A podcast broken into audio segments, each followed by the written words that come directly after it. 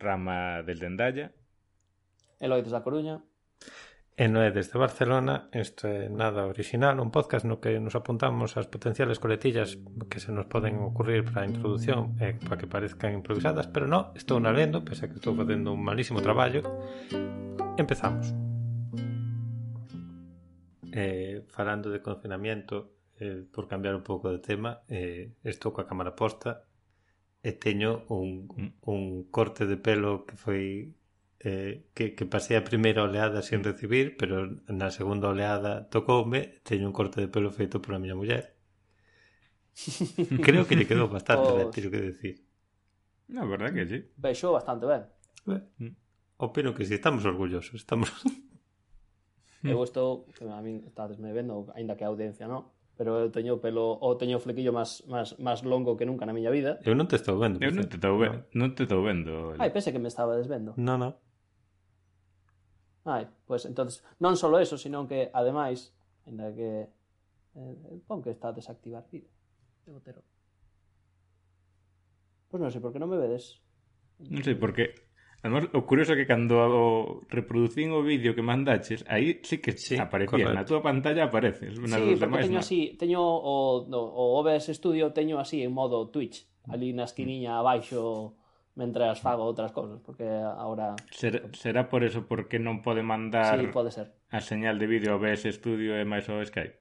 Bueno, pues, eh, sí, por, non vos, non vou, para, para non liar a cousa, pues, quedades Deixa, pues, igual que sí. audiencia en verme, pero vou describir que teño por primeira vez o flequillo que me chega debaixo do ollo, chegame ao ao pómulo máis ou menos. Te flequillo eh, emo. E encima pa, encima cambiei a roupa que tiña e pa aquí, pois pues, hoxe aquí na Coruña estamos gravando un día que houbo bueno, houbo bastante mal tempo. Non sei que nombre lle puxeron a, a treboada ou o fenómeno atmosférico desta vez, pero atopeime que cando iba a gravar con vosotros, xa vos lo comentei, que facíame ruido a cremallera da sudadera que teño no cable, Entón, además, o, o máis rápido que fun, que fun pillar por asegurar de que non fora a facer ruido é unha camiseta destas de medio neopreno que se poñen para levar de baixo do traxe de neopreno. Entón, teño unha pinta bastante ridícula. que se subes a, eh, pat, patrocinado por Tribord, o que se... Esa é a, a foto do vídeo de YouTube. Eso. Patrocinado bueno. por Tribord. Ainda que non sei se non, sei se non lo pagarían, pero bueno. De momento non. Mm. Pero bueno, así volvendo, volvendo ao conto, eh, eh, se queredes, se queredes contar, pois eu, aquí, aquí na Coruña estáse bastante bastante confinado, verdad? Ainda que polo que contan non hai moito control para que salgas ou entres, pero de feito esta semana quitaron quitaron, quitaron oleiros, entonces pois pues, é máis redu a miña, o meu radio de acción é eh, bastante bastante reducido. Sí. Coruña, paradójico que de, desconfinan Oleiros e realmente os de Oleiros non poden ir a Coruña, con lo cual Mm, a maioría do, do que farían está teñano prohibido agora e non antes. entonces bueno, está eh, eu xa, xa vos por esa parte xa vos xa vos comento. No é eh, tú eh, se cre, non sei se queredes comentar como está a cousa tamén polas vosas partes, aínda que seña para que nos acordemos nosotros. Eu pola miña pola miña parte vou deixar o meu primo ao final porque supoño que o seu será un pouco máis interesante con eso de estar noutro país, pero nunha cidade fronteriza, etcétera, etcétera. Eu teño curiosidade por saber cal é a súa a súa situación. Eu a verdade é que eh, non estou nada seguro.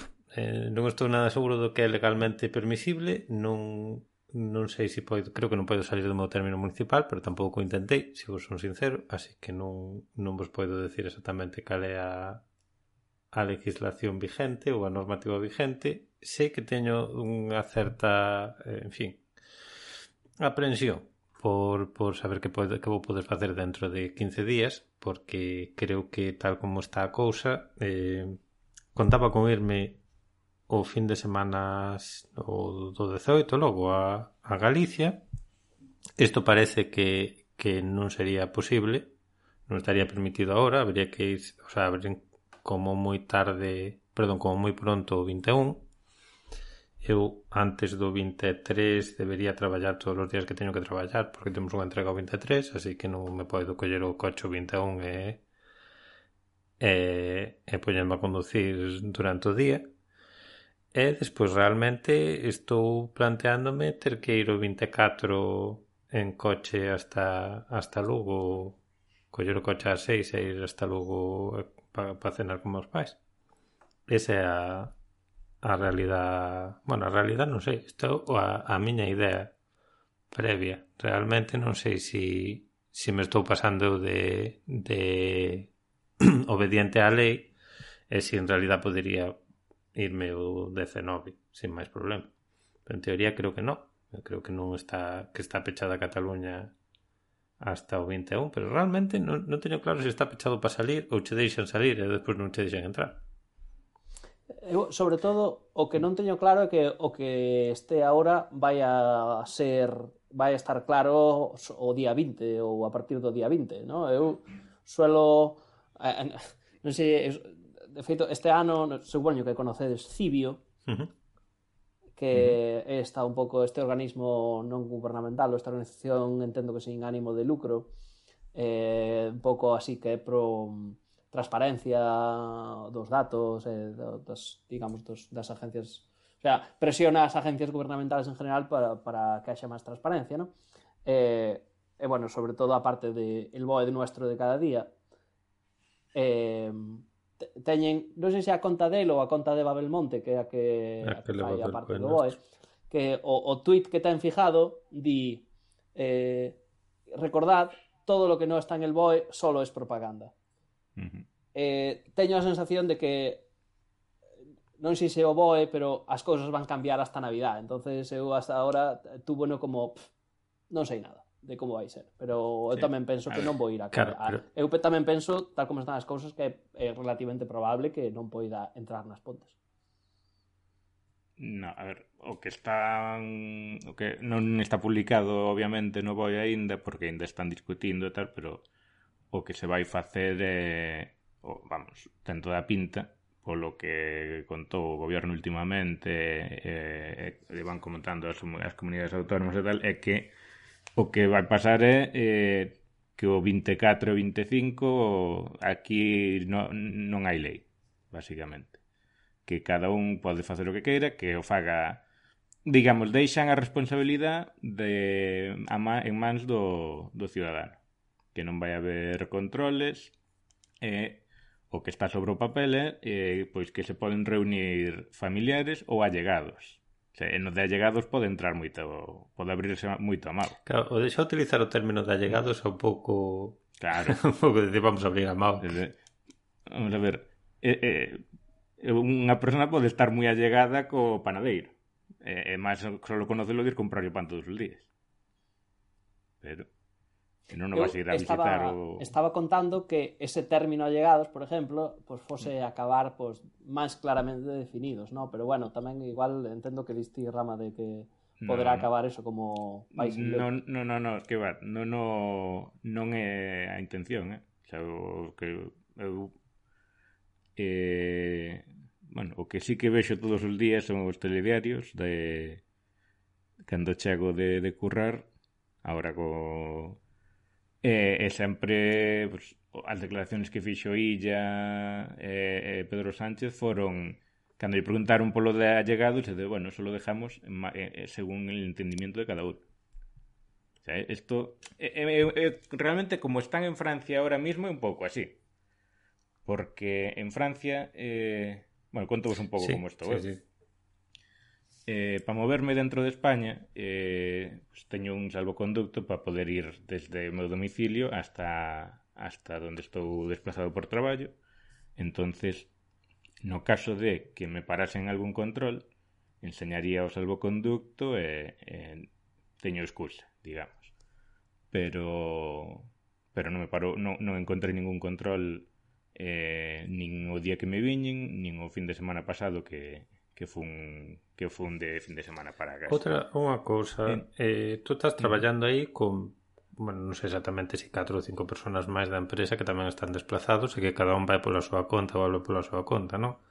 Algún de vosotros tuvo algún control? Eh, a ver, eh, hubo, mm, encontramos controles eh, en Francia. En España eh, non nos pararon nunca En España eu encontrei algún control, eh, sobre todo eh, o viernes pola tarde, o viernes pasado pola tarde encontrei o control a salida de Bilbao hacia Castrurdiales. tres, ca tres carriles de autovía que se convertían en dous, que se convertían en un, eh, onde estaban ali os Air Channel deixando pasar a un, co un coche, o sea, de, paraban a un coche de cada 4 ou 5. Pero tuve unha retención de hora e media, fácil. Eh, é o único control que vin e non me tocou parar. Eh, falando que a xente de obra quer dizer, sí que temos sí que encontramos controles en Francia sobre todo cando vamos de Irún a Endaya de Endaya a Irún. Cando facemos o cruzamos a frontera eh, sempre hai unha parexa no, no puente non no puente da autopista. No puente da autopista pois poñense no peaje a veces uh -huh. e tal pero no do pueblo están sempre unha parexa de gendarmes entonces para entrar a España non hai problemas e pa, e pa salir, e pa volver a Francia, o que como funciona en Francia é, na aplicación esta de radar COVID que hai en España, a aplicación francesa chamase Anticovid, e o que ten é, eh, pois, creas unha declaración eh, eh, declaración de responsabilidade eh, personal cada vez que vas facer algún movimento. Dices, pois vou eh, facer eh, vou ir ás compras ou vou facer un paseo de hasta 3 horas eh, como máximo 20 km de lonxe da casa eh, ou vou a traballar ou vou ao médico o que seña. E eso genera un código QR e se te para o control tú enseñaslle o, o, o móvil que a aplicación é o único que che piden. Non che piden ningún tipo de documentación absolutamente nada sea, realmente eh, eh, fiarte da, eh, da responsabilidade individual do cidadano. Un pouco. Exacto. Así, es, así están traballando en Francia. Eh, E, bueno, en España po 24 parece que queren facer eso, pero sin ningún tipo de... Sin ter que... Sin, control, sin, ter que... sin, con, sin ter que facer controles nin aplicaciones, básicamente. E, e nada, pois... É dicir, eu conto, sí que conto ir para a casa porque, bueno, vendo o que tuven facendo o último mes, non, ha, non hai ningún tipo de restricción. Efectiva non hai. O sea, hasta en Cantabria está cerrada a hostelería, eh, nas estacións de servicio o restaurante da estación está aberto. Pregúntanche, eres camionero? Se si eres camionero podes comer dentro, se si non eres camionero, pois deixanche comer fora na terraza. Porque pode comer dentro os camioneros, tenen menos menos porque, de comer. Porque a xente ten que a, a xente ten que comer, é un servicio esencial. No. O transporte ten que funcionar. Ah, claro. Pois eh, uf, mm. e eh, a parte de poder legalmente ou normativamente ou que seña, como eu eh, a raíz de, de escuitar en Twitter, porque claro, os estadounidenses ao final isto pues, eh, tenen un mes antes, non? Tenen a, as celebracións súas que son realmente de reunión coa familia, son máis eh, acción de gracias que, que as navidades, entonces a, a última semana de noviembre pues, estaba cheo de xente eh, dicindo, digamos, dando mensajes de por lo menos o meu, o meu timeline de Twitter dando mensajes de non vos reunades coa familia eh, as reunións familiares poden esperar, eh, non contagiades ao abuelo eh, nesta, nesta acción de gracias. Que, mentre é unha cousa externa eh, que non te afecta, pois pensas tú, sí, claro, hai que, hai que ser razonables, eh, un ano pois podes pasar sin acción de gracias, por favor, estadounidenses, portadevos ben, en un, en un matedes ao vosso abuelo, pero despois empezas a pensar e dices, bueno, claro, pero eu dentro dun mes vou ir comer con meus pais. Eh, non sei, a min a, a sensación que me deu foi de decir de repente, hostia, que responsable estou sendo eu. Pero... Claro, eso, eu realmente, bueno, neste sentido son un privilegiado porque antes de ir, eh, ao fin de semana que fun, eh, pues aquí en Francia podes facer un, un test de antígenos na farmacia, entonces vas e sabes que nese momento eh, se si te, se si eres negativo, pues que non eres que non, non, non transmites a enfermedade. E de todas formas, na Navidad xa falamos que van votar meus pais e eu, que meus abuelos non van vir este ano. Son xa mm. maiores, xa pasan dos 80. E... Entonces, por precaución, pois terán que, que cenar solos. Ainda que meu pai vai velos cinco veces ao día. O sea, a miña abuela operaron a, dunha catarata de cataratas nun ollo e vai por ali cinco veces ao día a botarlle gotas no ollo eh, non para moito, vai ca mascarilla, todo o rollo, pero... Pero as gotas tenes que botar cuidar, tamén, cui, tampouco é... Claro, cu, cu, cuidar a xente maior é unha...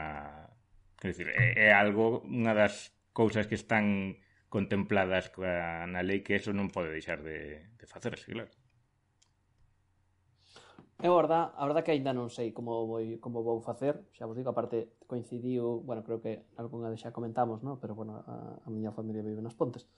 E, e cadrou que esta semana, ademais, eh, pois as Pontes entrou, digamos, en nivel rojo, no? entón está ahora ten o cierre, o, bueno, está aislado o Concello, digamos, salvo actividades esenciais, como decimos, Eh, entonces a verdad que a xente eh, entroulle un pouco polo que, vamos, as miñas fuentes me din, en general o, no pueblo entrou un pouco medo, no, xusto, xusto ahora, nesta semana antes do puente, eh entonces digamos, a xente empezou a a interiorizar que é posible que as que ou bueno, que desde logo as, as navidades van ser menos multitudinarias e que igual nas casas que se xuntaban dúas casas para xuntar unha comida de 10, pois o millón vai ser unha de 3 e outra de 7 eh, cada un na súa casa, como que digo. Uh -huh. O sea que mm, esa interiorización, a verdad que creo que seña como seña vai facer máis fácil as decisións para todo o mundo, no? Ir, dixera en palabras de Noé, pois pues, iré, cada un irá a ver seus pais, como quen di,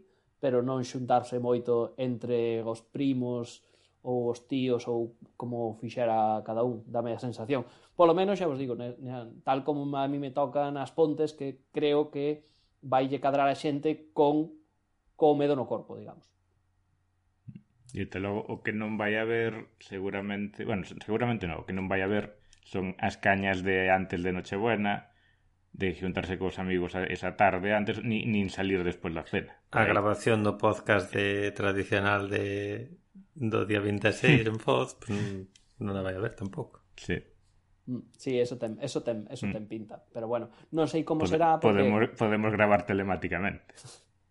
Eh, non sei como será, porque volvendo ao meu caso de... Seguramente hai outros moitos sitios, no? outros povos así un pouco pequenos que se, se non tuveron unha incidencia moi alta na segunda ola, pois o mellor están con, con un ánimo moi distinto, no? pero eh, eu si sí teño a sensación de que é posible que a xente que vaya de fora que veña de cidades máis donde de alguma maneira, non sei vosotros, no? pero na Coruña dá a sensación de que xa levamos na segunda ola como meses e como que isto é un pouco a situación que hai de alguma maneira hai que adaptarse non podes deixar de eh, hai que adaptarse de alguma maneira e temo que vai haber xente con ganas de aínda así tomar esas cañas non? é dicir eh, temo de alguma maneira no? que a xente das pontes teño interiorizado porque tengo medo xusto ahora moi reciente que nun caso no que na segunda ola eh, xa houbo máis casos que na primeira, a xente empeza a saber, ei, pois morreu o,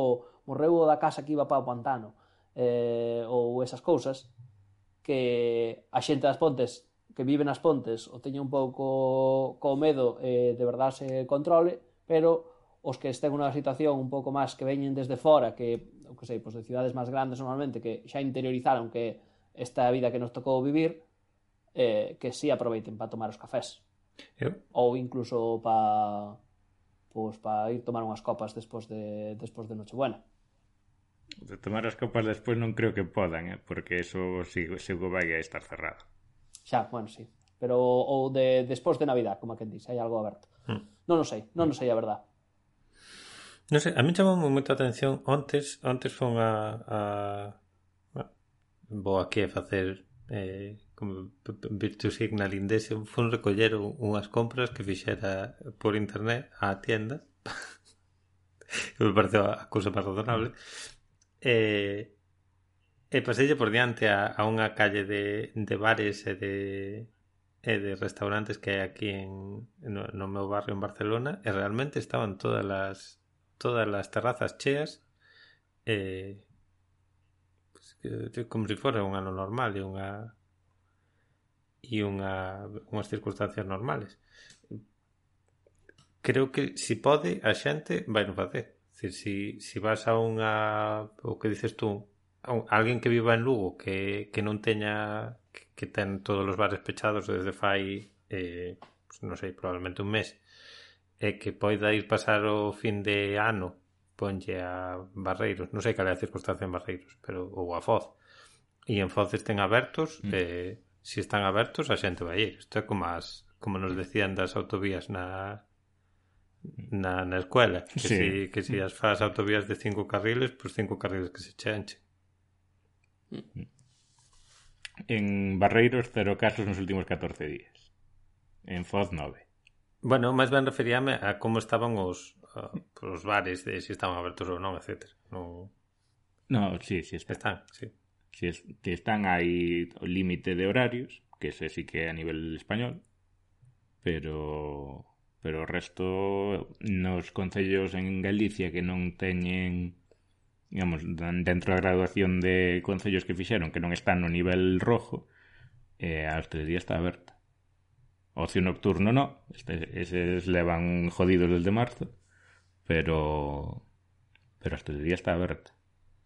Eh, volvendo, volvendo un pouco ao inicio da conversación, si, si recordo, non é o teu tweet de Lelo, non? É que, eh, bueno, realmente acertado, de alguma maneira, non? Eh, eh, eh, 15 días despois, non sei se, a, se está seguindo moito tamén de a xente que empeza a facer análisis de que os tantos casos en Estados Unidos son causa precisamente das do do do, do Thanksgiving, do, do Acción de Gracias. Eh, a verdade que eu non o seguí moito, pero sí que vin certas mencións ao, ao asunto, ¿no? De, non sei como é de non sei como é de riguroso, pero pero sí dame curiosidade como será o conto eh, mm. despois das navidades tamén por aquí. Mm. Sí. Bueno, eu despois das navidades Seguro que vai haber un aumento de casos polo, bueno, porque ten pinta de que, de que se vai abrir a mau e, e a xente vai querer facer todo o normal que facelas todo o normal el que, que buenamente se poda. Eh, que chamou a atención unha cousa. Eu onte, mentre estaba acabando o informe de obra que teño que facer todas as semanas, puxenme de fondo aquí a sexta ou a sexta noche estaba dicindo un paisano, de, es que vamos a tener la tercera ola antes de que, es que con los ritmos que vamos, vamos a tener la tercera ola antes de que acabe diciembre. Dice, pero cando se, cando se acabou a segunda? Xa, que nen, a mí naide me avisou de que se acabara a segunda. As, as olas están máis claras no mar, non? Entón, cando, cando che pasa unha e mm. cando che pasa a outra, pero mm. sí, isto de, isto de mm. chamarlle olas a, os, os picos non acaba de non acaba de ser práctico de todo, non? Eu creo que a, a terceira ola vai se como na segunda, non? Mm. Claro, a ver, eso igual é moi Madrid centrista o de terceira ola, porque ali mm, tuveron un pico máis en noviembre que en diciembre, digamos.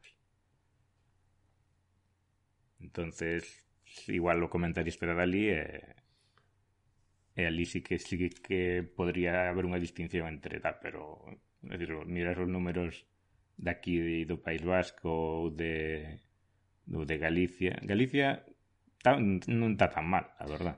Vendo o resto de España en comparativas. Que, que, que metáfora che valería que non fose unha ola entonces? As, as olas, máis ou menos, a idea é que son separadas, e son individuales, entonces... E son, e son periódicas. Entonces podes saber podes saber cando ven a seguinte. E sabes que che van sete grandes e dúas pequenas.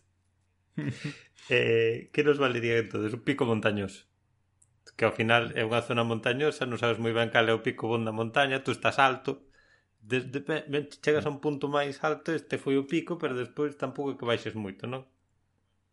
Igual, gráficamente non é tan bon, pero unha mm, unha boa treboada ou un bon terremoto ou algo deso que non sabes cando che ven. Eh... Eso sería eso sería o método bon pa pa acojonar a xente que deixase de, de tal sería chamarlle circulogénesis explosivas. Sí. Hmm. non sei, non sei. Eh, é verdade que non estou seguindo últimamente moito os medios porque hai un pouco de teño un pouco de fatiga de, de noticias de coronavirus realmente. O sea, hmm. estou, o sea, dame pereza calquer calquer noticia sobre, sobre o tema realmente. E xa non digamos de vacunas. Sí. Bueno, das vacunas, pois, oye, é unha que empecen a vacunar, pois Ves, eu... É algo que abre, abre bastante a esperanza da xente. Eso eu estaba verdad. traballando coa, coa suposición traballando. Eu estaba, tiña a suposición de que as vacunas duraría ou tardaría dous, tres anos. Poñe que son superbos, tardan dous, e que eso sería todo, todo rápido que sería e que por tanto todas as noticias de que si la eficacia de la vacuna de Pfizer es del 96%, la eficacia de la vacuna Sputnik é do 95%, todo isto eh, por un oído me entrou, por outro me saliu, porque dixen de aquí a dentro de Igual. dous anos que, que vaya a haber vacunas extendidas, dame igual a noticia que me puedas dar ahora. Pero dá a sensación de que de Da sensación de que vai salir antes a vacuna que, que, que este podcast. Efectivamente, eso, eso un pouco. Mañá empezan a vacunar no Reino Unido, eh? Bueno, pero é que mañá Lunes empeza sete. Eloi a Lunes editar sete, este por podcast. Que te... eh, Eloi, felicidades anticipadas, Eloi. Gracias. será recordado. Se, se, se, a- se, se a vacuna vai ben ou mal, será, será unha, fe, unha data recordada no Reino Unido. Sí, pois, nada, das vacunas, eh, bueno, invertéronse moitos medios, houve unha carreira, o sea, prácticamente todo, toda a ciencia des, eh, no 2020 se dedicou solo a un tema. Entonces, entre eso, eh, bueno, non sei se sabedes un pouco como vai o da vacuna, sobre todo a, o da de Moderna, que, que é a máis novedosa. É, é unha técnica que inventaron, que, que non ten nada que ver con como funcionaban as vacunas anti, eh, as, as existentes antes. Que, pues, eh, usar a información genética do propio virus, aislala, coller pues, unhas órdenes, eh, meterllas ás células humanas e que as células empecen a producir eh, as proteínas da, da carcasa do virus, pero só a, a carcasa vacía eso, re, eso pues, reproducese dentro do corpo, as células liberanas e os anticorpos reaccionan contra elas. Entón, se entra o corpo o virus de verdad, reconocen enseguida. Entón, eso vai traballar así eh, normalmente as vacunas pues, eran coller o virus e eh, intentar desactivalo Eh, exacto. e utilizar eso es, como... es, esto é isto é terapia génica pura e dura chamanlle vacuna pero é outra cousa. Bueno, ao final é a mesma a base que, das vacunas como xa vos dixen antes eu estuve totalmente desconectado do asunto porque me daba, daba un pouco de pereza en parte polo que di Noé ¿no? porque estaba eu de alguma maneira descontando que estas son noticias para eh, eh, tranquilizar a población de alguma maneira ou é tranquilizar a, ou animar a inversores, eh, contentar a, a bolsa, bueno, sí, porque a, ese, a bolsa ese ciclo e os, sí que... que, está, que estuvera pagándolle por mm. adiantado a Pfizer, Moderna ou quen fora. Ese ciclo sí ¿no? moi claramente decía... de hai unha unha un comunicado de prensa, porque ao final eran comunicados de prensa, ni siquiera era que publicasen que publicasen papers. Hai un comunicado de prensa, suben as accións eh, unha barbaridade, unha nova oleada de, de subida de accións ou un novo pico ou unha ciclogénesis explosiva no precio das accións de Pfizer. Eh, os dous días cando empeza a baixar a, a tormenta sube a de Moderna que ademais parecía que estaban como medio escalonados adrede eh, produce o mismo eh, bueno, tuvemos esa semana de supoño que repartir dividendos ou cumprir objetivos ou algo por estilo e a la siguiente. Non sei Claro, a min, entonces eso dame un pouco de... Entonces ao final estuve desconectado e nin sequera sabía, por exemplo, isto que nos estabas aquí contando, Rama. Nin, por exemplo, isto que me dis do Reino Unido, cal, cal é a que van a, a que van a empezar a, a li poñer? A de Pfizer? A de Pfizer, sí. A de 80 baixo cero. Que espero que a metan un pouco no microondas antes de inyectar ya a xente, que si no... Sí, sí, sí. Sí, polo do esa esa esa que ten que estar mant, eh, mantida non sei, a non sei se menos 70 ou Sí, sí, sí é eso.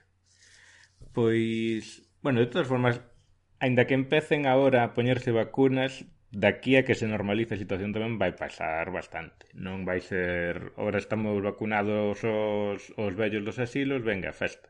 Non. O sea, hai un, eh, ten que haber unha población bastante grande vacunada para poder facer vida normal. Eso, eso é o que vai poñer na, digamos, nos protocolos de vacunación, pero eh, tú é moi difícil de predecir, a verdad, pero xa digo, casi prefiro estar desconectado eu para non especular, pero isto que me contas a min dame a sensación de que ao final a o xeral da población anímanos a decir, ah, pues, xa é vacuna. Vía libre. Xa é vacuna, mm. fiesta. E, e non digamos xa os primeiros que vacunen. Eu non sei hasta que eh, punto eh, estamos sendo mm. pesimistas coa xente. Pode ser. É, é injustamente eu, pesimista. Hai, hai un compañero final... meu do traballo que mm. sempre di under promise, over, over deliver. Eh, quedoume un pouco como... O sea, gústame a, eh, a actitud De feito, botanme bronca no traballo cando repito xa estás outra vez Eloi, non calarás co Other Promise Over Deliver, no? Que nin sequera se me corría a min. Pero un pouco de un pouco de optimismo. E, e non fa, e falo do traballo, non estou falando do de, do de do das vacunas, no? Pero mm. eh, pero, pero bueno, eh, sí. Oxe, mentre limpiaba un pouco, estaba escoitando algún capítulo de La vida moderna e estaban falando que que é Broncano e Ignatius. Bueno, Ignatius está ahora confinado, co virus na casa. Eh, estaban os outros falando de, bueno, que ahora que cando empezan as vacunas, que cando sería a próxima... A, a, cando poderían volver a actuar con público en directo e tal. Eh, e non, vamos, decían que eso que para 2022 non, non especulaban con que fora o ano que ven. Pois, pues, pero, pois pues, mira, pois, pues, que claro, é, é moi difícil, é todo especular, pero eu, é unha, unha das cousas que últimamente estou vendo así, pois de vez en cando se pillamos, se, se pillamos alguén que, que nos dá curiosidade, pois vemos a, a, a Resistencia, por exemplo, ¿no? Mira que modernos uh -huh. somos. eh, eh, ali dá a sensación de unha actuación con público. Porque, o que porque, eh, ten, eh, vale, porque sí, ten, paga Movistar, eh, eh, despois emítese sí. e despois sale en Youtube. Pero realmente vendo aquilo non sei porque non outra xente, digamos, de outra maneira o vai poder facer, non, non o vai poder facer. Sí, e aparte a outra cousa é que a, a que que eh, Ignatius e Broncano eh, valles de puta madre tal como está. Se non ten maior Sí. Non é que non teñan maior incentivo de empezar a facer actuacións en público, pero bueno, xa lles vai ben como están. Poden aguantar Seguramente. meses máis ou un ano máis, pero porque son precisamente os que os tres que lles vai ben. Hmm. Aquí aquí na Coruña deuse un caso, deuse un caso curioso respecto ás estas actuacións con público, non? Que non é, non é ti non sei se seguirías, pero eu creo que con Noé xa falei, con Rame xa falei offline do, do asunto, non? Que eh, eh, no plan de reactivación económica da Coruña, que chaman Presco, pois ten, ten distintas iniciativas, de alguma maneira, non? Algúnas son bonos de desconto para o comercio local e outras son eh, plan de reactivación tamén cultural, que din, non? E basicamente o que están facendo os fines de semana son actuacións ao aire libre, nas que eh, sí, poñen unha cinta ali tipo de terciopelo, unhas sillas de plástico, no, para que o aforo seña limitado, pero o que fai todo o mundo é estar fora da cinta, lógicamente, porque se ao aire libre escoitase ben, e eh, nun momento de solo solo podes estar con convivientes ou solo podías estar hasta ahora con convivientes, pero despois chegaba a policía a dispersar o a dispersar a manifestación, realmente entón era un pouco curioso porque, claro, é, é eh, reunión de convivientes, pero non convivientes, eh, para reactivar a, a actividade, pero despois ven a policía a dispersar o evento. É unha cousa un pouco curiosa, eh, que, que hasta pues, seguramente pues, bueno, no noso grupo pues, fixos un pouco de broma co tema, eh, pero entendería que se fixera tamén eh, bromas moito por aí, non? Pero... Pero bueno, eh, é a verdade que fun, fun ver un par, un par deles, no? Co, con, solamente con convivientes neste caso, e, bueno, con un conviviente. eh, Mm. eh, e, e nada, pues bueno, pues, ao final había, había bast- de alguma maneira había bastante foro e notábase que a xente pues, eso, aproveitaba para falar esas cousas, pero bueno, eu que sei, tampouco mm. tampouco é como para vir dispararlle a xente Na, nos, nos casos que fun eu non, non no, vin non policía non creo que se disparara a naide, pero bueno No, eso é. Eh, sí. Nos casos que vin eu non veu policía despois a dispersar, pero si sí oín de algún caso de que sí que, que sí que fora, no? así de primeira man, con, amigos nosos. Uh -huh. Fuches entonces os concertos máis floxos. Entón. Fun, de feito fun a un que me cadrou por aí que e non me acordo nin como se chamaba, e outro era eh, unha, un espectáculo de, de improvisación eh, así, bueno, era, a temática era un pouco de medo, como quen di, pero era así todo improvisación, ¿no? Preguntaba yo ao público, oye, dime un objeto, dime unha profesión, non sei que, despois inventaban ali un pouco en directo unha historia de, de medio, de, de, de medo tipo detectivesca, tipo Cluedo, tipo Knives Out. Ostras, De, repente, de repente, coas, coas dúas últimas referencias apeteceume moito máis. e coa cosa medio e tre Knives Out. Bueno, podes buscar se queres as... Eh, no, no, seguramente non era a primeira vez que o facían. Podes intentar seguir as Izquierdo Sisters. Eh, eh, teño a sensación de que non era a primeira vez que o facían, non? entonces eh, podelas por se cadra, pero bueno, tampouco foi nada do outro mundo, non? Eu sei, eu non sei se fostes alguna vez un espectáculo de improvisación, eu era moi fan de cando vivía en Madrid un que lle chaman jamming, eh, que era, o sea, fun como tres ou catro veces, e cada, cada vez era foi como a primeira, realmente, eh, sigo, digamos, cando me toque volver a Madrid, eh, será intentarei que seña dos primeiros ese se poda, será intentarei outra vez que seña dos primeiros planes de ocio ou espectáculos culturales que vaya, verdad? Porque eh, moi moi ben. E isto diría que non estaba ao nivel, pero bueno, pasa só. Vosotros estades, estades facendo esa lista de, de deseos de cando se poida irei a tal ou cual sitio, cando se poida iremos a comer a tal ou cual restaurante? Eu teño as entradas do Resu 2020 eh, eh, que se celebrará cando se celebre, pero son as do Resu 2020, aí están, o 15 aniversario. Eu teño tamén, eu teño as do Son do Camiño 2020 tamén, que non, non pedín que había opción de pedir que chas devolveran ou de, ah, eh, pa cando toque. Eh, teño esas e teño as do Porta América. Ibas ter, seguramente... ibas ter un brao ben, joder, ben cheo de actividades. E, e, e ahora que penso, tiña tamén tiña tamén as de... Non me acordo como chamaban, eh, pero basicamente ira, iba a ver a Foo Fighters en, en Lisboa. Esas non me acordo se ah, nos ah, sí. volveremos calzos. Esa tamén... No, no, no, estamos esperando. Esa tamén estamos eu, polo menos. Sí. sí. Non me acordaba de Foo Fighters. Eh. Sí, realmente, eh, evidentemente non houbo nada, pero tiña un, un fin de semana moi movidito, porque era eh, jueves son do camiño, viernes son do camiño, sábado son do camiño, eh, ainda non tiña claro se era alza directo desde Santiago a Lisboa o sábado noite, de, pola noite e o domingo pola noite Foo Fighters. Carai, oye. Pero mm. quedou en nada, lógicamente. Quedou en nada, sí. Eu mm, non é, non é ningún así plan cultural, pero tamén unha cousa que tiña eu dixe, voulles contar esta historia aquí tamén a, a, aos rapaces, se queredes. Eh, unha das cousas que eh, bueno, todos eh, realmente desde, desde o punto de vista de ocio, pues todo eh, este verán foi un pouco diferente, claramente, ¿no? E, e bueno, de feito, unha das cousas que, que, que fixeo bastante foi un pouco, ou máis que outras veces, foi coller o coche e ir fin de semana por aquí, por Galicia, digamos, a distancia de unha hora, unha hora e media, dúas horas de coche, quedarse ou non estas cousas e, e volver, como a quen di, no?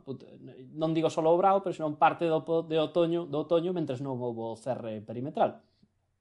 É unha das cousas que, que estuven facendo ou convertiuse nun proyecto, un pequeno proxecto, deses con nombre de, con carpetiña no ordenador, que todo eso empezou na, Vale. Así, así a historia, a primeira historia que contamos no podcast, no, ¿no? Entonces... Vamos a cumplir entonces a, a tradición do podcast de que tú nos digas o nombre da carpetilla e nosotros intentemos adivinar de que pode ir. Dame, da, da, se me dades un segundo, vou, vou no mirar.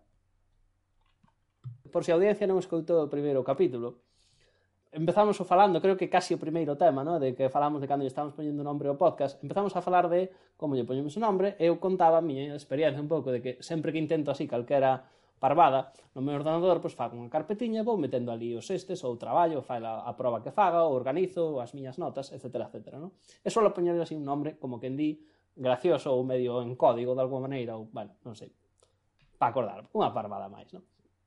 E aquel día comentamos e soltei un par de proxectos, entonces ahora vou vos contar, se queredes, o outro, eh, seguindo a tradición, como digo, a carpeta chamase Corcho Virtual.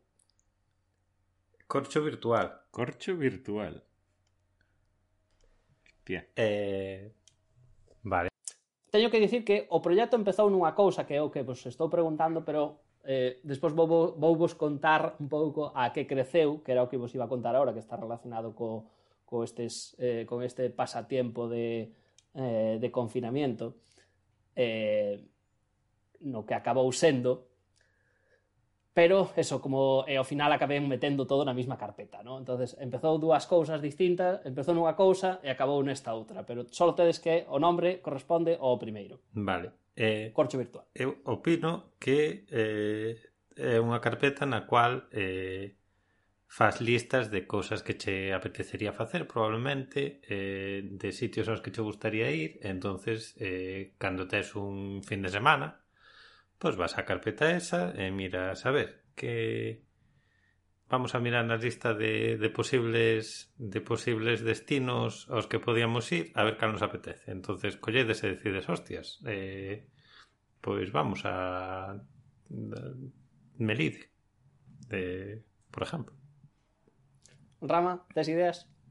Eu estou en blanco, eh, totalmente. Pois vou dicir, non é caliente, caliente. Estaba, eh, vai por aí, van por aí os tiros. Eh, pero non exactamente aí va como lista de pendientes, sino en todo o contrario. Vai como un pouco de eh, histórico, de alguma maneira, ¿no? Entonces, non sei se vistes algunha vez, pero hai como, eh, eu creo que igual non son nin de corcho, pero sí que teño a sensación que hai xente que ten mapiñas como de corcho para ir poñendo chinchetas. Correcto, sí. Entonces, uh -huh. que bueno, non xa vos digo, eu nunca tuve ningún, Pero a idea empezou eso de facer, oe, vamos a... Eh, por que non facemos un sitio dos sitios aos que fomos, imos marcando e queda aí como un recordo bonito de parella, en este caso, no? Eh, dixen, oh, espera un momento, espera un momento. Entón, intentei non facer como que en di de directamente virtual. ¿no? Virtual no, se, no sentido de digital, en vez de telo físicamente, porque a verdad que non son nada manitas, entonces non teño ningún sitio para colgar na casa que seña medio decente Entonces, antes de decir, a ver, vou conseguir un sitio para colgar, esto, empecé a argallar con isto, ¿no? Eu, igual, noutras veces creo que vos contei que eu son, son moi fan do OpenStreetMaps. Entonces, empecé a cacharrear con iso. Vale? Cacharrear como podes facer eso, e cale o formato, e, bueno, é moi a realidade que é moi fácil con o formato de GPX, podes ir guardando estas cousas e, vamos, basicamente conseguín que funcionase nun programa open source do ordenador e tamén no, na aplicación do móvil é moi fácil intercambiar dun en outro, non? Entonces, demo confianza de que isto está aí, como que en di, pa sempre. De, eh, dentro de 10 anos vas a topar, vas a, a topar aplicacións ou programas que lean ese GPX de favoritos de esto, aquí, aquí, aquí. E unhas poucas notas. Así é un pouco como empezou, entón estuve probando. Eh, de estar argallando con eso, ese foi o corcho virtual de alguma maneira, ¿no? Que tampouco, tampouco é nada nada nada moi aló. Eh, surgiu esta outra idea que os voy a contar que é un pouco eh, eso, entretenimento de de confinamiento e quedou como proxecto de a ver, algún día se, se darei feito isto eh, non sei se conocedes, pero hai unha cosa que se chama catálogo galego de árboles enlleiros Non sei se mm. conocedes. Eh, non, non. Pero basicamente é como, pois pues, eso, pues, é, un, ca- é un catálogo, é un PDF que está na página da Consellería de Medio Rural, seguramente, ou non sei de Calé, non? É eh, basicamente, é, eh, pois, pues, hai este especimen ou este exemplar de árbol en tal sitio que ten 200 anos, este concello, unha plaza, ou tense isto, este sábese que estaba ali no, no cando se facía o mercado do pueblo que se sabe que se facía na Edad Media, ou isto que o trouxeron eh, o, é o, primeiro, o eucalipto máis grande de España, ou estas cosas, non? Entón, basicamente, hai ese catálogo. No, o, e, abuelo de Chavín. Como eso, eh, o, do, o, de, o de Chavín, por exemplo, non? Entonces, mm. eh, a primeira vez que, non me acordo como caín nel, pero fun á web e vin un PDF moi incómodo de, da, das listas de tal, non?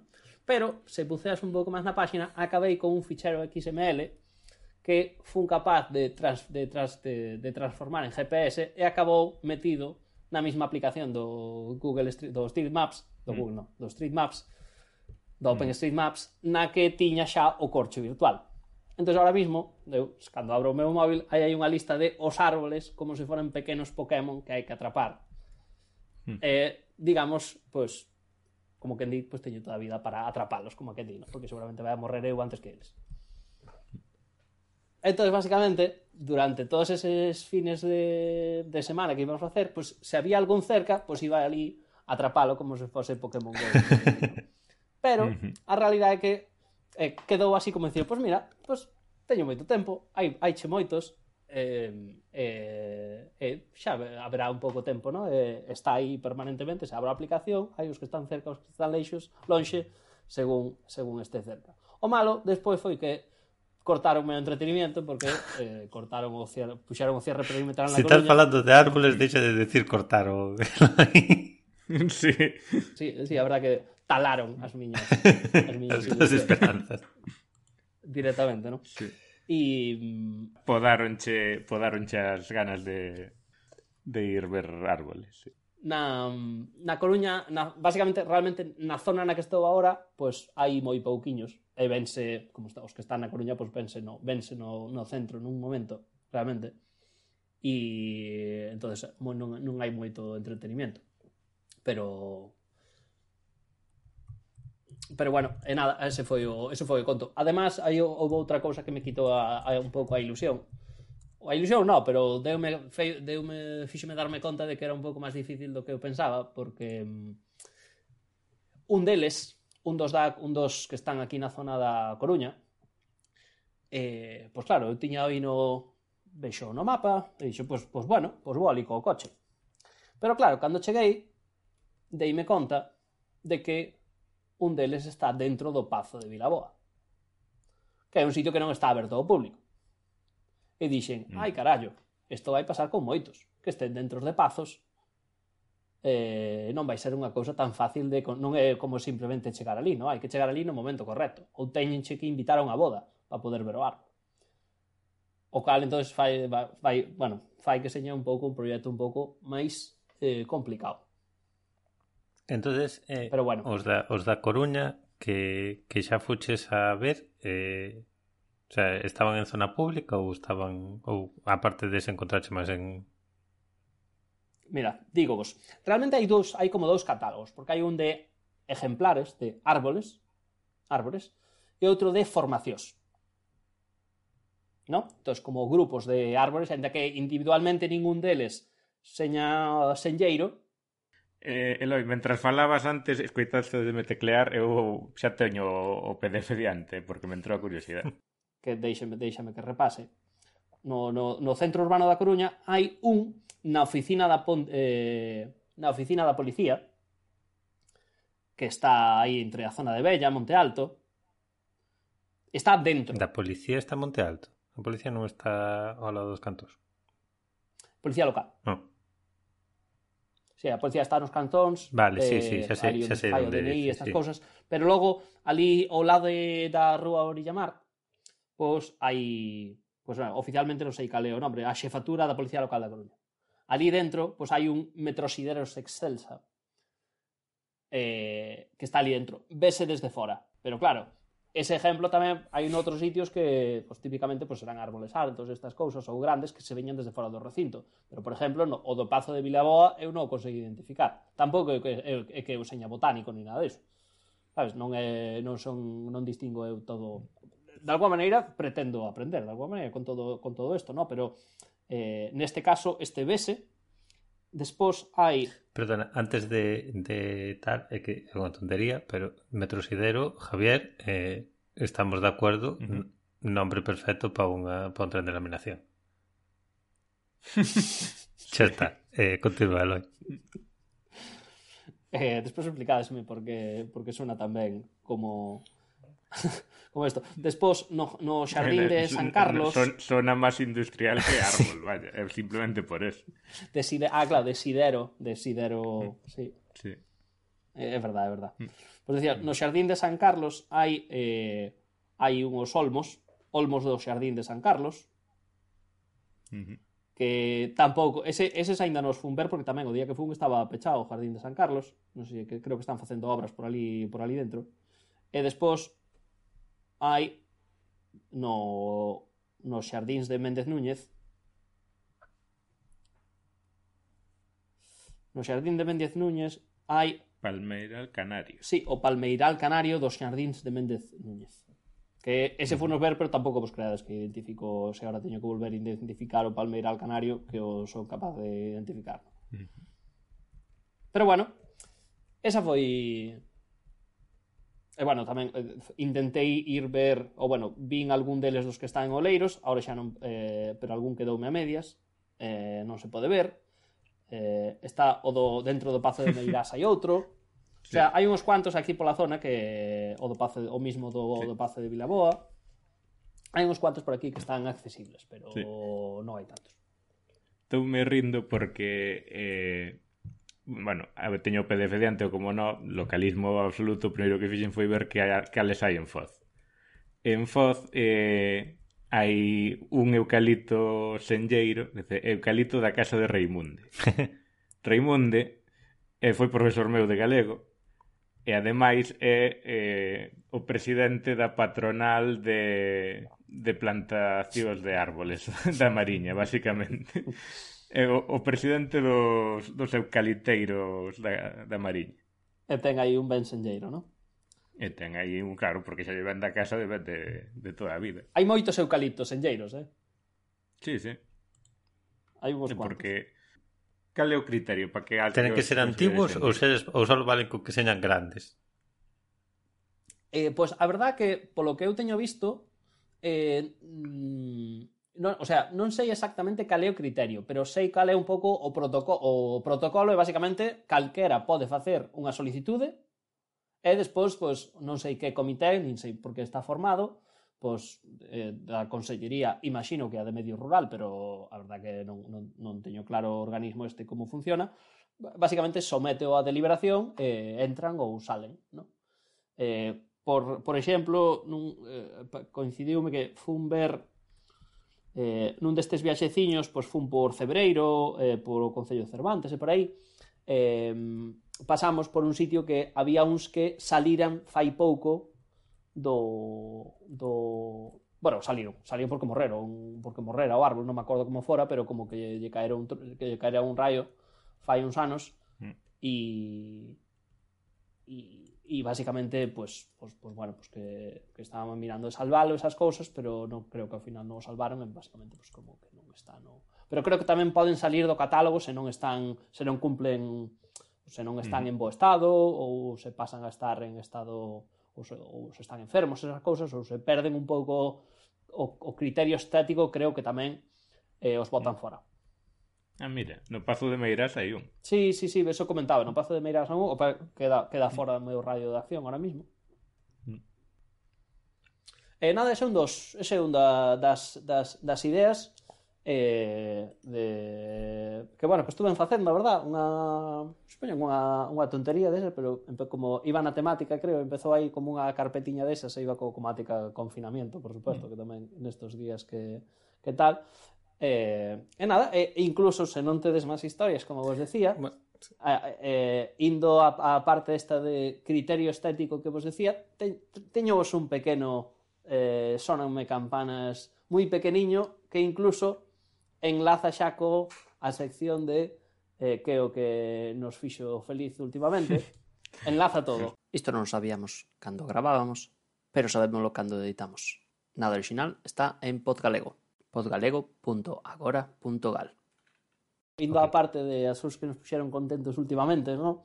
Pois, pues, eh, houbo un pouco de casualidade, ¿no? Pero acabei vendo últimamente eh, esto que lle chaman biopics. Uh -huh. Que uh -huh. non sei exactamente moi ben cal é a definición, pero son como películas, películas pseudo-documentales da, que, que están centradas un pouco na biografía dunha, dunha persona. Uh -huh. Que é biographical, biographical picture. picture. Sí, sí. Eh, literalmente. Entonces, acá, eh, co, co tema un pouco de que eso de mezclan un pouco a un pouco a ficción coa realidade, eh, non tómanse un pouco licencias, dá a sensación de que nunca o público nunca queda contento de todo polas licencias que se toman, non? Sí. É un é un género un pouco dado moito para para eso, para a polémica, ¿no? Non sei mm. que opinades. Sí. Eh, despois, eh, pues mira, esta semana no, capi, no podcast este de The Guardian de polas mañás que escoito eh, falaron sobre... Bueno, entrevistaron a unha biógrafa de Lady Di porque están salindo agora eh, nos, na serie esta de Netflix de The Queen, The, The Crown, Crown sí. perdón. Sí. Eh, pois pues está salindo a época de, de Lady Di e de Margaret Thatcher, que Thatcher é... Eh, Joder, a actriz Gillian Anderson, Anderson fai de Margaret Thatcher. Sí. Eh, bueno, a verdade que tiña moitas ganas a serie, pero non, non saco tempo. Eh, pois pues, dicindo, pois pues, eso, que as moitas que se toma demasiadas licencias, que a xente nova vai empezar a pensar que que a Thatcher iba todos os días a tomar o té ca reina ali na súa habitación e tal, e, e que, e que deberán de ser un pouco máis rigurosos. E, basicamente, foi unha persona queixándose todo xa, o capítulo. É que, é que eu non, eu non vin aínda The Crown, non? Eh, mm. nin, nin vin nun capítulo, pero sí que é verdad que levo unhas semanas xa sabedes tamén que unha das cousas que paso o tempo é mirando os trending to topics da Wikipedia. eh... Levo unha semana sabendo subida de... No, no, no, muitísimo má. Leva dúas ou tres semanas e que aparte copan os tops da Wikipedia mm. anglosajona a española e a galega, pero está copada, uh -huh. non digo por Lady Di, eh, de pues, da Thatcher. De, da, de Thatcher, de a irmá da reina, o, o marido da reina de, de, de Carlos de Inglaterra, mm. é dicir, de 15 ou 20 non é raro que 6 ou 7 van cambiando que estén ali nos trending topics todos, eh? Claro, dependendo do capítulo da semana, si dá máis bolilla a un personaje ou a outro. Seguramente, seguramente, pero sí, sí, levan, Bueno, en, no- levan no top como dúas, tres semanas. Non- non, non sei van- se é que van empezou unha semanales, eh. temporada nova ou algo así. Como? Bueno, non, Non van van semanales, vale, vale. eh, eh, colgáronos todos á vez. Ah, claro, colgaron todos a vez, pero dunha temporada nova, entendo, non? Sí, sí, dunha temporada Sí. nova. Pois, pois eu creo que desde que desde que a colgaron debeu empezar eso a, a, a subirnos trending, no? Que eu non caín de primeiras que pasou, pero sí, eh, sí aquí eh, miña parella sí que sabía cal era, cal era o non porque a vexa ela, pero porque vira algunha temporada anterior, etcétera, etcétera, no? Entonces, igual tamén a raíz de eso, ainda que non, non me puxen a vela, sí que vin un, algunha destes estes días, no? A primeira que vin foi a de foi a de eh, me sale, a de Freddie Mercury Uh -huh. Uh -huh. eh, coa película de, de Rami Malek vale? que a verdad que pareceume super entretenida Mm. a Sí, película esa fora, ve- fora vela ao cine. A verdad que estuvo, ah, como película estaba moi ben. A verdad que como película está moi ben. Por suposto, despois acaba a película, no? Pois vas chequear un pouco, vas, bueno, eu, polo menos o que, o que fomos facer foi mirar a Wikipedia a ver que pasaba, no? Menos mal que faz despois de que acaba a película, non durante a película. Como... Claro, neste caso, neste caso é verdad, neste, neste caso esperas, de... Esperamos ao final e tal e cual, e vas ver, e é verdade que, pois, ao final, pois, entendes certa parte das críticas, no? Encima, cando mm. hai certos temas eh, sin... Supoño que unha, tamén é un género no que se permiten spoilers, no? De alguma maneira, no? Porque é un mm. pouco a vida da xente que xa ocorreu e que o que quixera podera ir velas, no, pero sí que entendo pois certas eh, polémicas como se tratan certos témica, temas que son o que podían ser medio tabú na época ou que foron o que digan isto foi máis importante na vida del do que o estás poñendo aquí, no?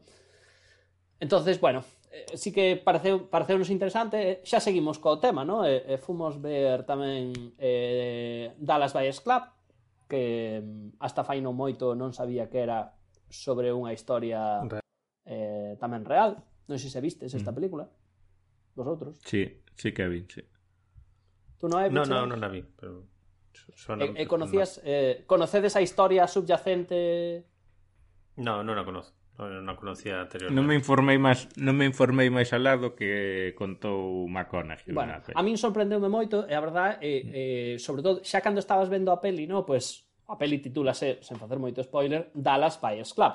entonces unha das cousas que me sorprendeu é que na propia peli falan como que non é un club único, sino que era unha cousa que estaba pasando noutras ciudades, noutros, eh, noutros sitios de, de América, ¿no? Eh, eh, entonces, mm. cont, de alguma maneira xa che está contando a película, ainda que non saibas nada previamente, de que ou indícache que como, como un fenómeno que, que puedo, que podo haber, ¿no? E, e bueno, é verdad que despois a película moitas partes están moi centradas no propio personaje. Que un pouco a historia da película, Eloi, porque tampouco non me estou enterando de nada. Claro, se, bueno, pues vou facer un pouco de spoiler. A película está, está basada pues, na vida un pouco deste personaje, creo que se chama Ron Woodruff ou algo así, que é unha persona de, de, pues, de Dallas eh, ou de, de Texas, que queda claramente que, que, que, que é o estado de Texas. E o home eh, diagnosticanlle eh, que ten o... Bueno, di, di, diagnosticalo como sero positivo, nos anos 80 ou por aí, e danlle 30 días de vida. O home, pois, pues, reacciona como reacciona, e pasa por distintas fases de alguma maneira, pero eh, eh, todo eso é nunha época no que eh, empezaban a verse os primeiros tratamentos experimentales. ¿no? Eh, en concreto, a película centrase nunha que ou nunha que estaba en estudio aquel momento que que chaman o ACT, AZT. Eh, o home non lle senta ben, e tal e cual empeza a facer un pouco a guerra pola súa conta, entonces empeza a conseguir un pouco eh, empeza a conseguir outros tratamentos experimentales, outras drogas eh, de maneira ilegal ou alegal.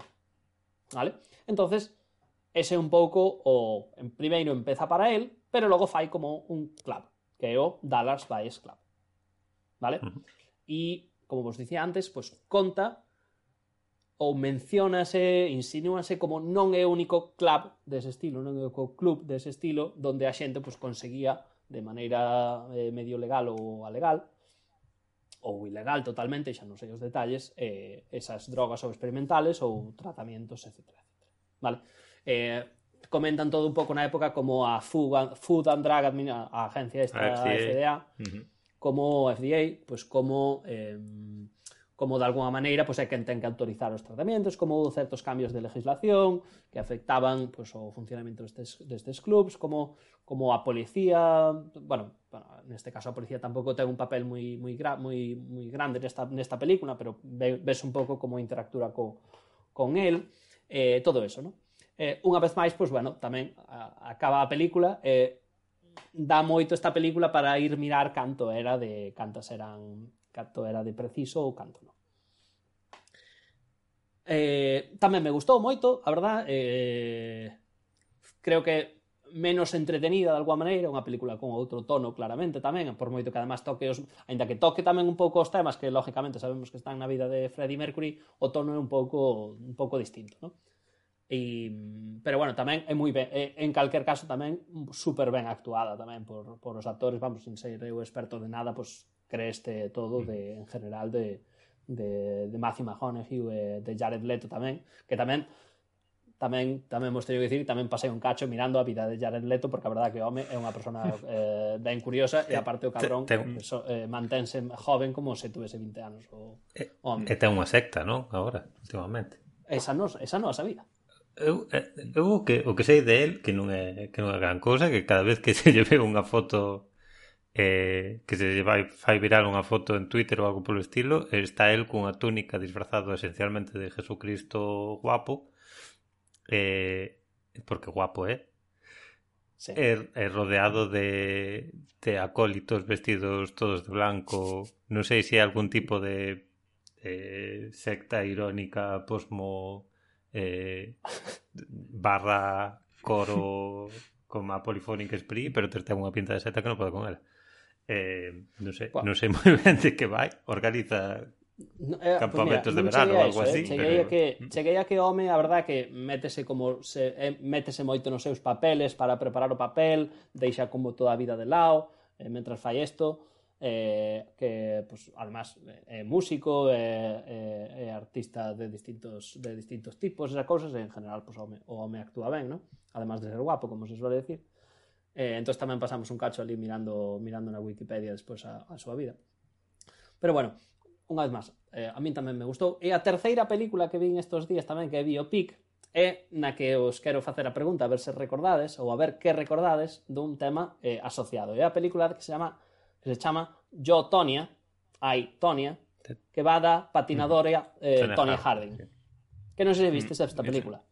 Esa non, sí, non la vi, pero ¿No, conozco máis a historia que a de, que a de Dallas Buyers Club. Conoce, conocedes a historia. E así, Conoce, sí. a, a pregunta que vos fago é, eu non conocía de nada a historia, pero, lógicamente, a pouco que ves a película, a min ao que me recordou ben a un episodio de Radio Lab que non sei sí, se recordades. Correcto, sobre a, sobre a patinadora que, que era que facía volteretas e que era como moito máis eh, gimnástica que, que bailarina, digamos, ou gimnasta que bailarina e que, que lle daban puntuacións mm. consistentemente inferiores ao, ao mérito eh, deportivo, digamos, do que estaban facendo porque non cumplía os cánones eh, mm. do deporte, non? Sí.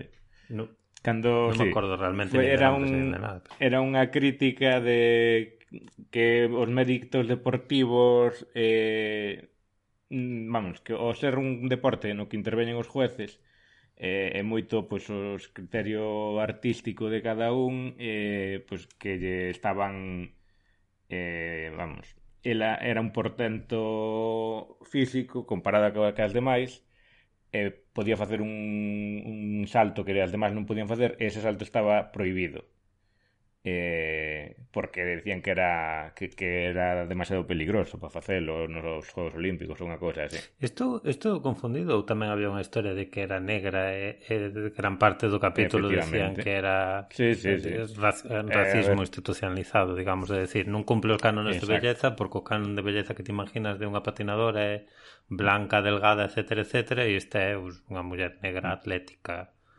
eh, é da raza equivocada. Sí, sí, sí, no, non te olvidas para nada e, e mencionase directamente o racismo como, como un tema uh -huh. posible, e, e debat, debátese canto hai de racismo neste neste, neste tema, No? A verdade que acordadesvos moi, moi ben. Eu volvín a escoitar o, o despois de ver a película, volvín a escoitar o, o episodio, eh, e unha vez máis ler os artículos da, da, da, da Wikipedia. Eu cando leín a, cando escoitei o episodio, non, non vira a película. Nin conocía a Tony Harding. Uh -huh. o episodio é do ano 2016 e a película creo que é do 2018 e o que non recordaba tam... entonces lógicamente non recordaba para nada que no episodio xa se menciona tamén ao caso de Tony Harding. Non se menciona a Tony Harding sino que pregúntanlle a Tony Harding que opina de Surya Bonalí. Pero mencionan como... Claro, imagino, despois de ver a película, que todo o mundo conoce a Tony Harding en Estados Unidos. Sí, eu creo, eu eh, creo que o caso é ese... Eu, é que eu, eu creo que desde o caso xa se fixe unha celebrity. Eh? Claro, desde... sí, sí, sí. De... Non, non só o rei da película. Eh. En Estados sí, Unidos sí, era moi moi recordado. Eh, hai moitas hai moitas referencias. E unha cousa que non me deu tempo a ver, e que tamén, é que hai un episodio de Seinfeld no que fan unha referencia ao incidente Mm, o incidente que fixo famosa a, a Tonya Harding, vale, que unha vez máis, pues, mm. non sei se vale a pena facer o spoiler ou non, ou se o sabedes. Supoño que merece a pena que o, que o comentes, merece pero pena. digo que, que o faigas sí. tú porque eu teño referencia sí. pasada tampouco sei exactamente. Mm. Conto un pouco como se conta na película, no? Eh, a, a película, pois, pues, é unha vez máis, é un biopic de Tonya Harding. Tonya Harding, pois, pues, é unha patinadora que Eh, na línea do que, do que, como ben contastes, sufriu Soria Bonalí, pois desde pequena pois non foi unha eh, patinadora a que os jueces apreciasen moito, vale? Porque pois non cumplía certos cánones de delicadeza ou de estética, Neste caso... Porque era unha redneck. Neste caso porque era unha redneck, eh, que non sei moi ben como definilo, pero bueno, digamos era pois de non sei como decirlo, pero non cumplía ese criterio de, de, de, de bar vestido, de, de, mercados, eh, sí.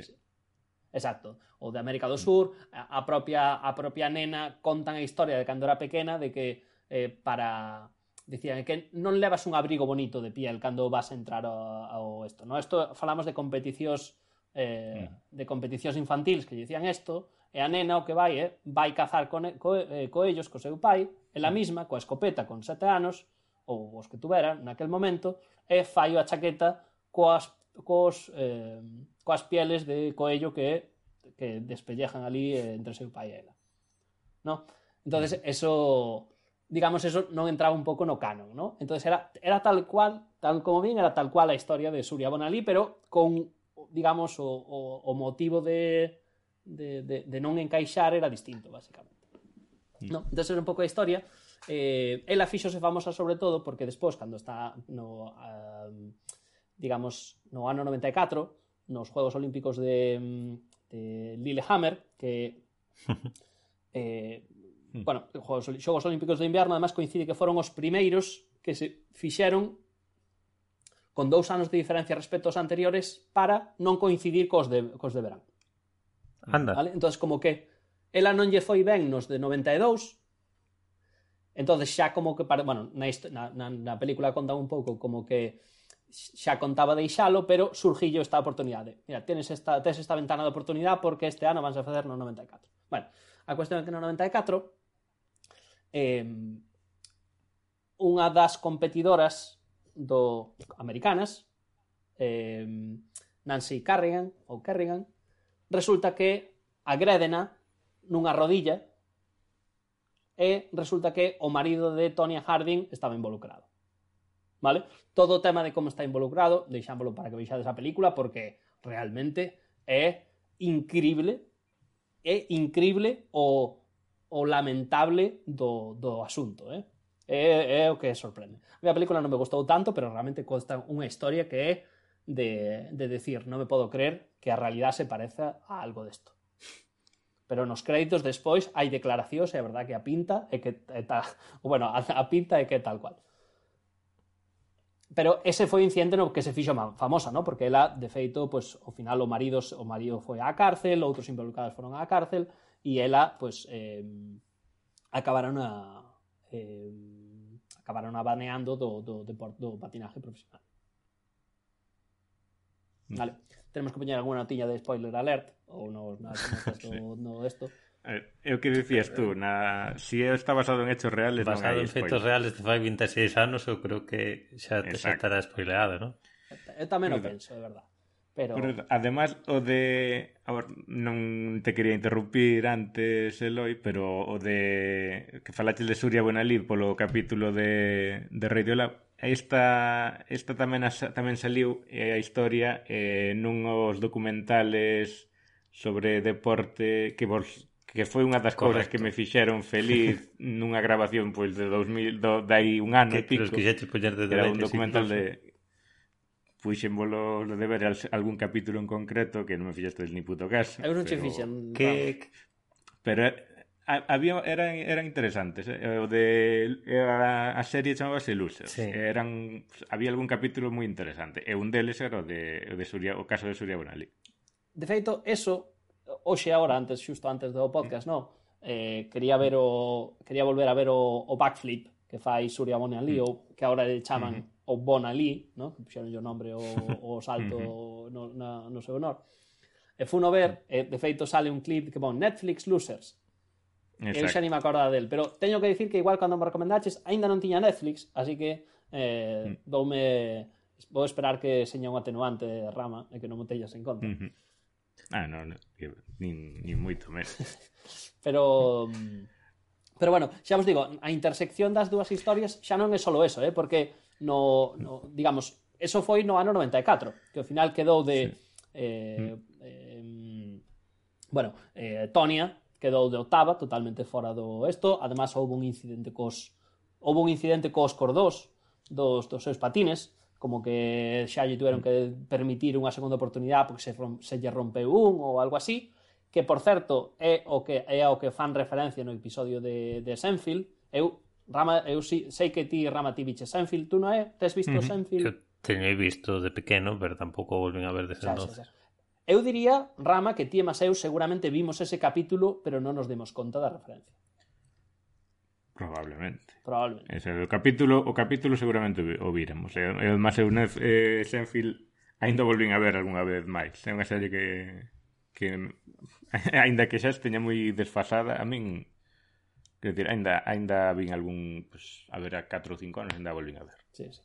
Pero a mí, eu creo que seguramente o vin e non lle fixen caso. Pero bueno, o caso é que eh, Tonia queda de octava e eh, eh, Surya Bonalí queda xusto de, de queda de cuarta, queda fora das medallas, non sale para nada nas películas, nin se lle menciona nada.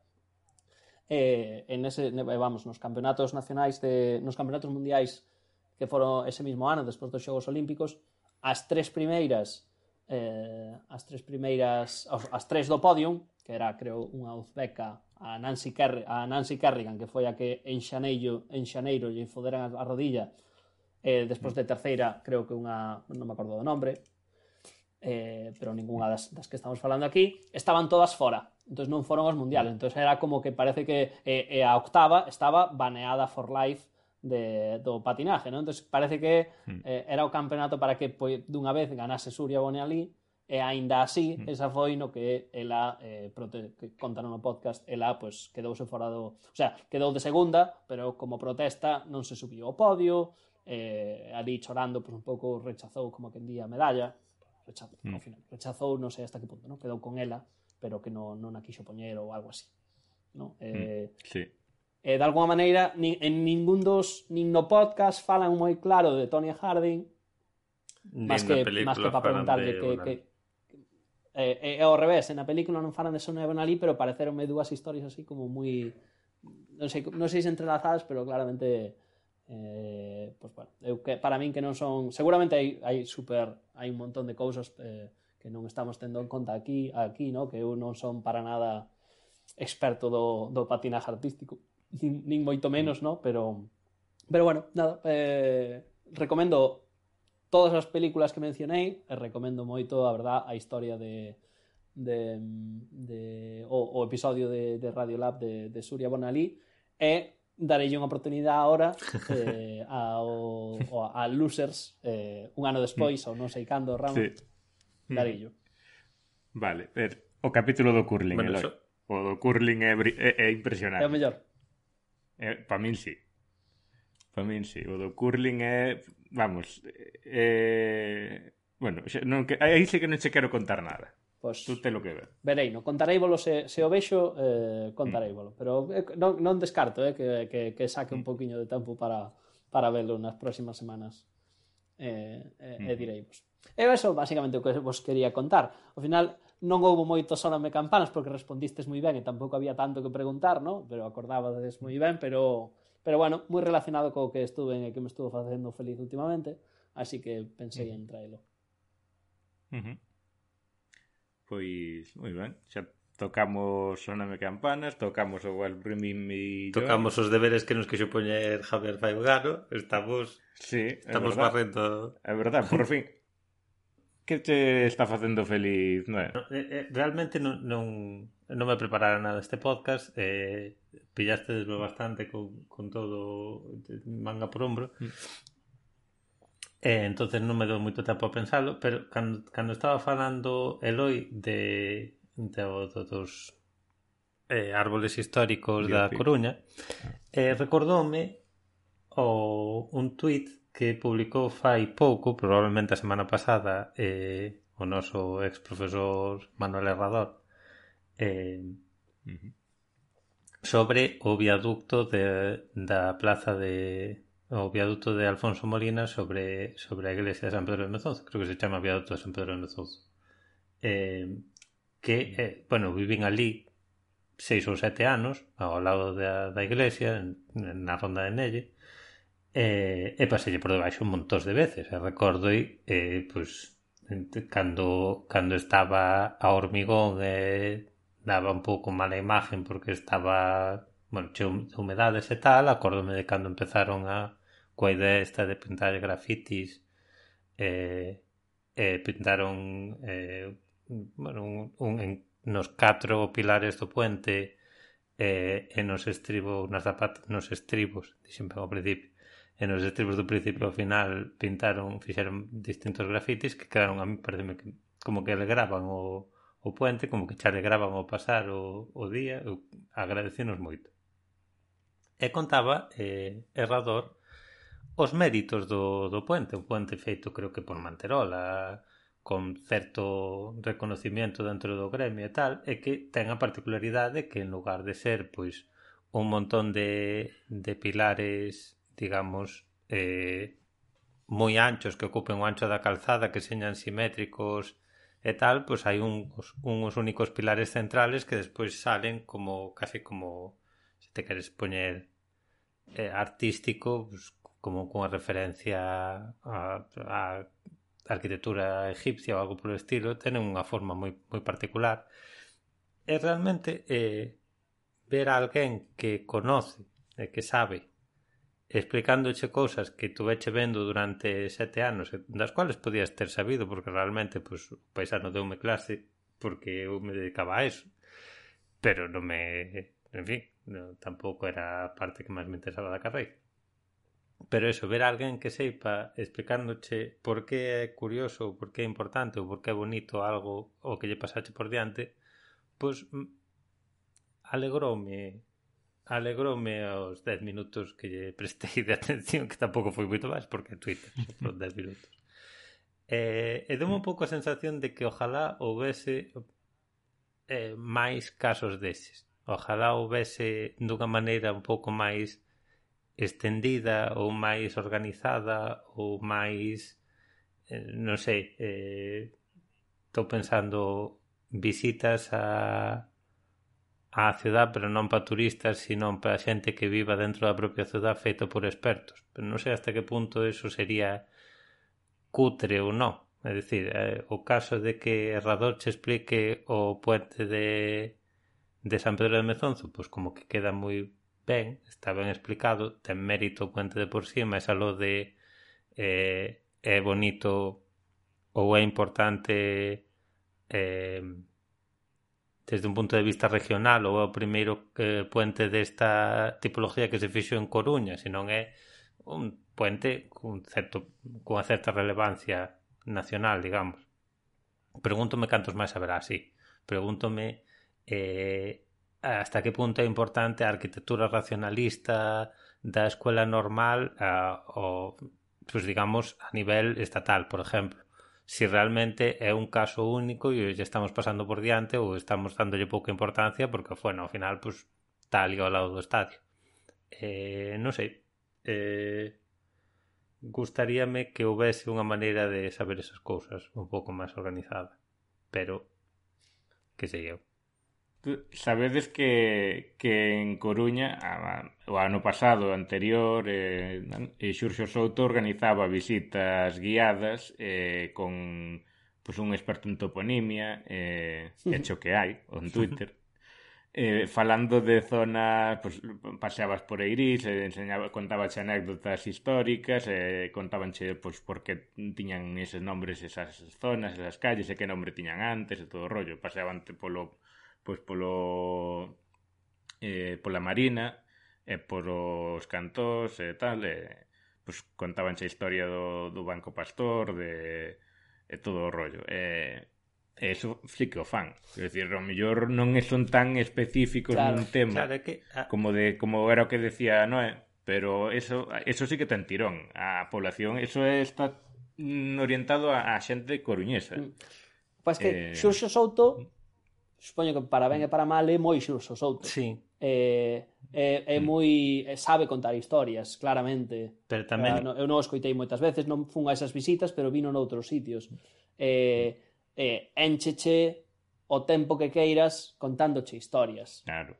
Pero... Ese, ese é o problema que errador de debaixo do, do viaducto de San Pedro de Mezonzo o, tweet, o, o fío de Twitter conta en 10 minutos. Claro. E, e o resto do tempo que faz? Claro, pero... Non, nin en 10 minutos. A, a historia sería que Xurxo Souto falase con errador e que lle preguntase, a ver, cales son os viaductos de, de San Pedro de Mezonzo cales son os outros viaductos de San Pedro de Mezonzo da Coruña e despois falase con un profesor de arquitectura que lle fixase o mismo despois falase con un, non sei, non sei, estou indo directamente a arquitectura Eso, e ingeniería, eu... pero probablemente haberá pues, da marina, de industriales, de Pois pues xa está, falamos con, con falamos con Xurso Souto e eh, organizamos o 2022. Os tours coruñentos de o, os tours coruñentos 2022. Isto sí. a, a min recordábame unha cousa que eu eh, ao final non deixaba de ser unha visita guiada virtual que eu seguín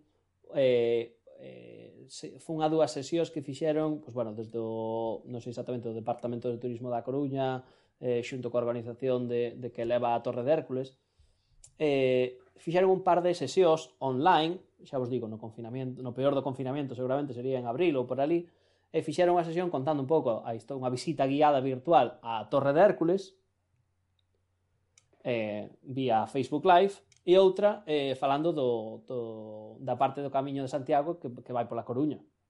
entonces eu a min, eu agora mezclando isto, tú o, dame a sensación que o que pides non é, é basicamente que as sesións aquelas que íbamos á carreira para que nos, eh, na, que, durante a carreira, que eran os xoves, de 12 a 2, para que che desen seis créditos, algunhas desas que fosen online e para o público general que quisese velas.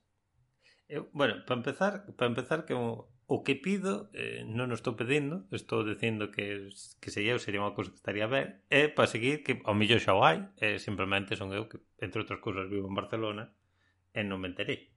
Eh, entonces non é unha petición de ah, ao ayuntamiento debería estar facendo isto, pero xo, igual xa o están facendo. Terá unha consellería de turismo que se dedicara a outras mm. cousas, a cousas similares a ese.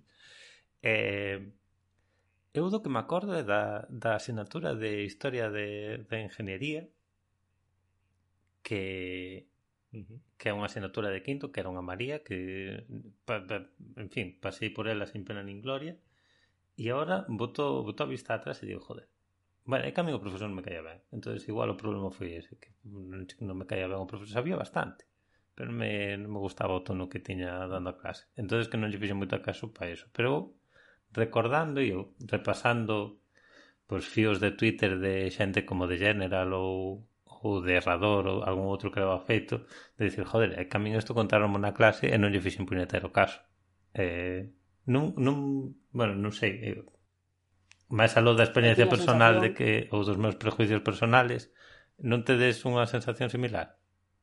Teño a sensación similar sobre cando vexo fíos en internet sobre... Bueno, sobre, realmente sobre moitos temas, pero eh, notablemente co, sobre urbanismo e con Nardi. E formación da cidade en general, hmm. que moitas veces vexo fíos de Twitter super interesantes e, e, e pensas que se, se eso non, non, non ten cabida nunha clase de urbanismo eh, ou incluso ou de ordenación de territorio e urbanismo ou en urbanismo que eu fun incluso algunhas de opcional hasta que vin que hasta que vin que aquilo non iba a ninguna parte eh, sí que claramente botou un pouco de, de menos, pero canto hai de que eu non estaba atento ou eu estaba máis atento a outras cousas ou a aprobar asignaturas, como que en di. Hmm. Pode ser eh, que agora o vexa de outra maneira. Non sei. Canto hai de eso, canto hai de ter un profesor malo que era incapaz de transmitir o que claramente era a, a, a pasión da súa vida a, aos alumnos, porque claramente o home dedicouse 40 anos a iso, é dicir, era o seu, pero non se levantaba do asiento, así era complicado. Bueno, de cando cando teñamos este editado decimos que era errador que esta, esta, esta rajada creo que podemos quitar. A ver, non, xa veremos. Pasade, pa, paso xa etiqueta ou non sei moi ben que o que teño que facer, pero esta rajada quitámola. A aquel momento xa, sabe, xa saberás. bueno, Rama, ti que, ti que nos traes de que a ti que, que che fixo feliz eh, últimamente? A min fíxome moito moi feliz o domingo pasado que fixo sol e puiden dar unha volta por aquí. Eh, esta zona é realmente entre Endalla e San Juan de Luz é moi bonita esta zona. O, sea, o, o paseo que hai ao lado do mar eh, chamanlle a cornisa vasca. Son eh, zona de acantilados, eh, e de calas pequeniñas e tal. Eh, e vense totalmente eh, como acaban os Pirineos no mar e hai un montón de estratos eh, bueno, non de geología non teño nin idea pero vense os cortes eh, dos estratos sedimentarios en unha roca perfectamente en, eh, bueno, vese distintas durezas dos materiales como se foi desgastando unha capa e outra quedou e tal e, e non sei, a verdade que que moi recomendable cando cando se poda viaxar e facer turismo e tal, recomendo vos que vos pasedes por aquí. Escoitache... Que o mellor ainda, o mellor ainda sigo por aquí e vos podo dar alojamiento. Eu, igualmente. Escoitaches o último, bueno, un dos desta temporada de Catástrofe Ultravioleta, hai un que falan do eh, sí, un pouco da geología sí. da zona de Zumaya, e o parque geológico de. Euskadi e esas cousas, non? Sí, sí, sí. Que tiñan aí unha, unha beta da da unión de, do, do Cretácico co Terciario, o límite cate famoso, que era unha das dos patróns a nivel mundial da geoloxía. Uh -huh. Estaba definido aí, sí. Eu escoitei non fai pouco, a verdade, unha vez mm. máis, cada vez que escoito algún de catástrofe de ultravioleta, recórdome, recórdome de... E por que non escoitarei máis eu isto?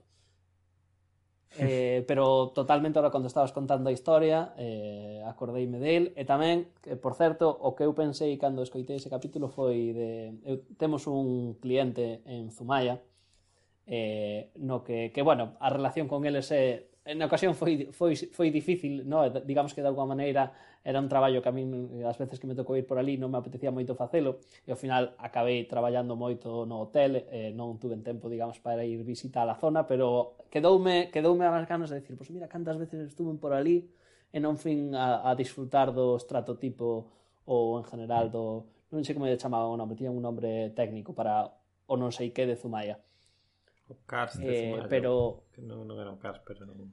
Non é Cars, pero é outra cousa que empeza por cá. Sí, bueno, se, da igual. Deixa, eh, en calquer caso, Zumaya é eh, un lugar eh, maravilloso, seguramente. Eh, geológicamente tamén. Eh, eh, eh, vamos, non me realmente non me sorprende tampouco que se subes un pouco máis para lo que tamén que, que, que siga sendo que siga sendo moi bonito ou, ou máis incluso. Mm. E, eh, eh, o propio San Juan de Luz é eh, mm, non lle ten nada que enviar, envidiar a Villarriz, eh? o máis ben ao contrario. É máis pequeno, é máis ten máis encanto. É, é un pueblo mm, que tan, además así son todo casas vascas, eh, unifamiliares ao lado do mar, teñen unha baía impresionante, non realmente un, un sitio Chulo, chulo, que dá pena que teñan os bares cerrados, a verdade. Fuche eh, o Castelo da Badía, ao final. Está pechado. Está cerrado tamén. Está pechado. Eh, podes andar unha parte dos jardines están abertos, así que sí que estuve, pero non se pode acercar o suficiente un para Podes ver os árboles históricos que teñen o edificio. O, debe, eh, a sebe é histórica, porque non ves o castillo. O sea, a ser, o cierre do, da finca Estupido, é mesmo. É tan, o sea, chega tan alto que non se ve. Non, non conocía pero... o castelo, pero si sí, eh, un día un día comentámoslo eh, eso é eh, unha pena que este que este cerrado, a ver se tes a oportunidade de, de velo rama e e eso eu, eu ah, tamén para desexo eso e desexome para min eh, ter que ir a Zumaya pero con un pouco de tempo mm. libre eh, pasear por ali e ver en concreto o, o Flish Eso. que estou buscando agora